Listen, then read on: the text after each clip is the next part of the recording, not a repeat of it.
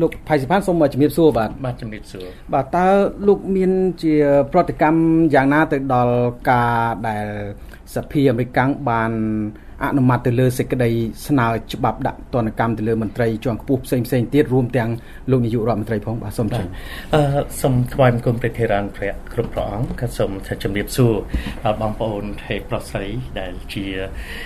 ប្រជាពលរដ្ឋខ្មែរទាំងអស់ទាំងនៅក្នុងរាជាណាចក្រកម្ពុជាដូចជានៅក្រៅរាជាណាចក្រកម្ពុជាអ្វីដែលចំពោះខ្ញុំថាខ្ញុំមិនមានប្រតិកម្មអីជាមួយនឹងការស្នើច្បាប់នោះទេ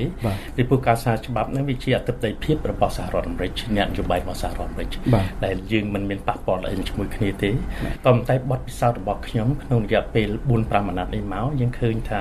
ឲ្យតែមានយុទ្ធនាការឃោសនាបោះឆ្នោតសកលម្ដងម្ដងយើងឃើញមានសមាជិកសភាសមាជិករដ្ឋសភាព្រឹទ្ធសភារបស់សហរដ្ឋអាមេរិកនឹងតែងតែធ្វើយុទ្ធនាការប្រឆាំងជាមួយនឹងសម្ដេចកែមហាសាបលេឌីជូនសែនក៏ដូចជាប្រឆាំងជាមួយ CPP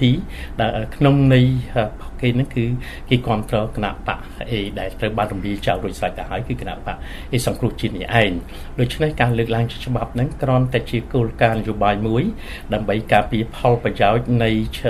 អតិថិជនរបស់គេរបស់ផកគេដែលជាគណៈបកនយោបាយនៅក្នុងកម្ពុជាដែលត្រូវបានតុលាការកំពូលរំលាយបាត់អានេះចំណុចទី1ឯចំណុចទី2ការសម្រេចចិត្តនៃច្បាប់នៃស្ថាប័ននីតិបញ្ញត្តិបើសិនជាទៅខ្លាយទៅជាច្បាប់មែនហ្នឹងគឺដែលដែលជាការសម្រេចចិត្តមួយនយោបាយមួយដ៏ខុស ហេតុមិនបានខុសពីព្រោះការប្រឆាំងជាមួយនឹងវិរៈជនរបស់កម្ពុជាយ៉ាងហោចណាស់មាន50អេឆដែលភាគរយជាងនៅក្នុងកម្ពុជា ដែលអ្នកទទួលស្គាល់ថាជីវរៈជនរបស់កម្ពុជាដូច្នេះហាក់បីដូចជាច្បាប់នឹងប្រឆាំងនឹងកម្ពុជាទូទាំងប្រទេសទាំងអស់ក៏ដូចជាប្រឆាំងនឹងផលប្រយោជន៍នៃកិច្ចសហប្រតិបត្តិការនៃទំនាក់ទំនងល្អរវាងប្រជាជាតិកម្ពុជាហើយនិងប្រជាជាតិអេដែលសហរដ្ឋអាមេរិកហើយជាបរាជ័យនៃគោលការណ៍នយោបាយរបស់សហរដ្ឋអាមេរិកមួយដែលបន្តទៅទៀតតាំងពីចំនួនឆ្នាំ1970មកអានឹងគួរឲ្យសិក្សាចំពោះខ្ញុំវិញថាច្បាប់នេះវាមិនមានឥទ្ធិពលមកលើកម្ពុជាជាកំហុកទេក៏ប៉ុន្តែ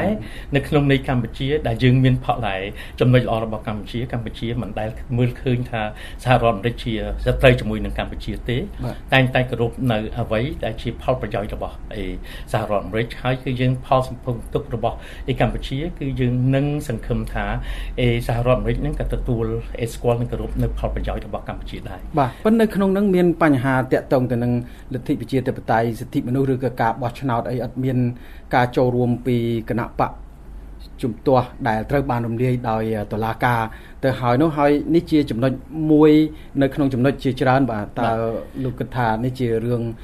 សមហេតុផលពីសហរដ្ឋអាមេរិកដែលត្រូវធ្វើយ៉ាងខ្ញុំមើលមិនសមហេតុផលទេលទ្ធិប្រជាធិបតេយ្យរបស់ក្រមនយោបាយមួយក្រមនោះគឺខ្ញុំយល់ឃើញថា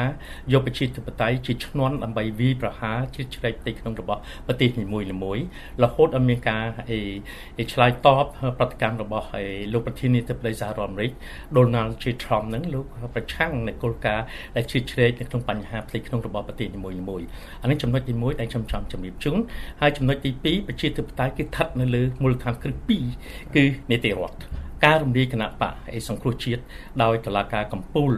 ហើយរបស់ឯកម្ពុជាដែលធ្វើសេចក្តីសម្រេចដើម្បីផលប្រយោជន៍របស់កម្ពុជាហ្នឹងគឺដែលចោតដែលចោតហើយមិនទទួលបានកិច្ចសហការពីតឡាយអតីតនៃគណៈបកសង្គ្រោះជាតិក្នុងការតតាំងតវ៉ាការពីផលប្រយោជន៍ខ្លួនឯងគឺឆក់យកការនេះដើម្បីធ្វើជាអេឲ្យមានទស្សនវិជ្ជានយោបាយលោកលំនៅក្នុងខ្សែរឿងហ្នឹងដូច្នេះនៅក្នុងនីតិរដ្ឋគឺគណៈបកនោះត្រូវបានរំលាយឈរទៅលើមូលដ្ឋាន2គឺមូលដ្ឋានអង្គហេតុដែលក្នុងការចាត់បង្កាន់អង្គហេតុដែលយកបរទេសយកមកគេដែលយកមកគេរំលាយឬក៏មកអេឆាបំផ្លាញនៃដែលដែលរដ្ឋាភិបាលមួយដែលការចេញស្របច្បាប់ នាយករដ្ឋមន្ត្រីមួយដែលកើតចេញពីការបោះឆ្នោតអានឹងមួយជាការចាត់បង្កាន់ហើយមានការឆ្លើយតបរបស់ឯករាជ្យបកសង្គ្រោះជាតិអានេះជានៅក្នុងច្បាប់2គឺឆន្ទៈរបស់មហាជនឆន្ទៈរបស់មហាជនជាងឃើញថាលទ្ធិប្រជាធិបតេយ្យមិនមែនស្ថិតទៅលើតែគណៈបកឯសង្គ្រោះជាតិនោះទេគឺមិនមែនជាកម្មសិទ្ធិរបស់គណៈបកណាមួយទេជាកម្មសិទ្ធិរបស់ប្រជាពលរដ្ឋដែលលោកប្រើប្រាស់សិទ្ធិក្នុងការជ្រើសរើសប្រជាពលរដ្ឋសិទ្ធិជ្រើសរើសអ្នកតំណាងផលលោកហើយយើងឃើញថាគោលការណ៍នេះ ដែលគេបានប្រកាសថាយ៉ាងហោចណាស់មាន3លាននាក់ដែលជាសមាជិកគ្រប់គ្រងគណៈបកសង្គ្រោះជាតិហ្នឹងគឺមិនសប្បាយចិត្ត ក៏ប៉ុន្តែនៅក្នុងនឹងយើងឃើញថា3លាននាក់ហ្នឹងក៏มันមានឧបសគ្គណាដែលរារាំងក្នុងការប្រជែងប្រឆាំងជាមួយគណៈបកប្រជាជនទេយើងឃើញមាន19គណៈបកដែលចូលរួមក្នុងការប្រកួតប្រជែងនៅក្នុងការបោះឆ្នោតនៅក្នុងនីតិទី6នីតិកាលទី6នេះហើយនៅក្នុងនោះយើងឃើញថាការឃោសនាយ៉ាងសកម្មនៅតាមដងថ្នល់ដែលគេបង្ហាញពីទស្សនៈ នយោបាយដែលប្រឆាំងជាមួយនឹងអេទស្សនៈប្រឆាំងជាមួយគណៈបកប្រជាជនយើងឃើញ16គណៈបកប្រឆាំងជាមួយនឹងគណៈបកប្រជាជនដូច្នេះលំហនៃការប្រឆាំងអានោះហើយដែលជានិន្នាការដែលនៃលទ្ធិប្រជាធិបតេយ្យដែលយើងមានអេពហុបកនិងមានគណៈបកប្រឆាំងហើយនឹងគណៈបកដែលប្រកួតប្រជែងដើម្បីបានយ៉ាងបាទបាទសូមអរគុណច្រើនលោកផៃស៊ីផានអ្នកនាំពាក្យរដ្ឋាភិបាលដែលបានផ្ដល់កិច្ចសម្ភាសជាមួយនឹង VOA ដោយផ្ទាល់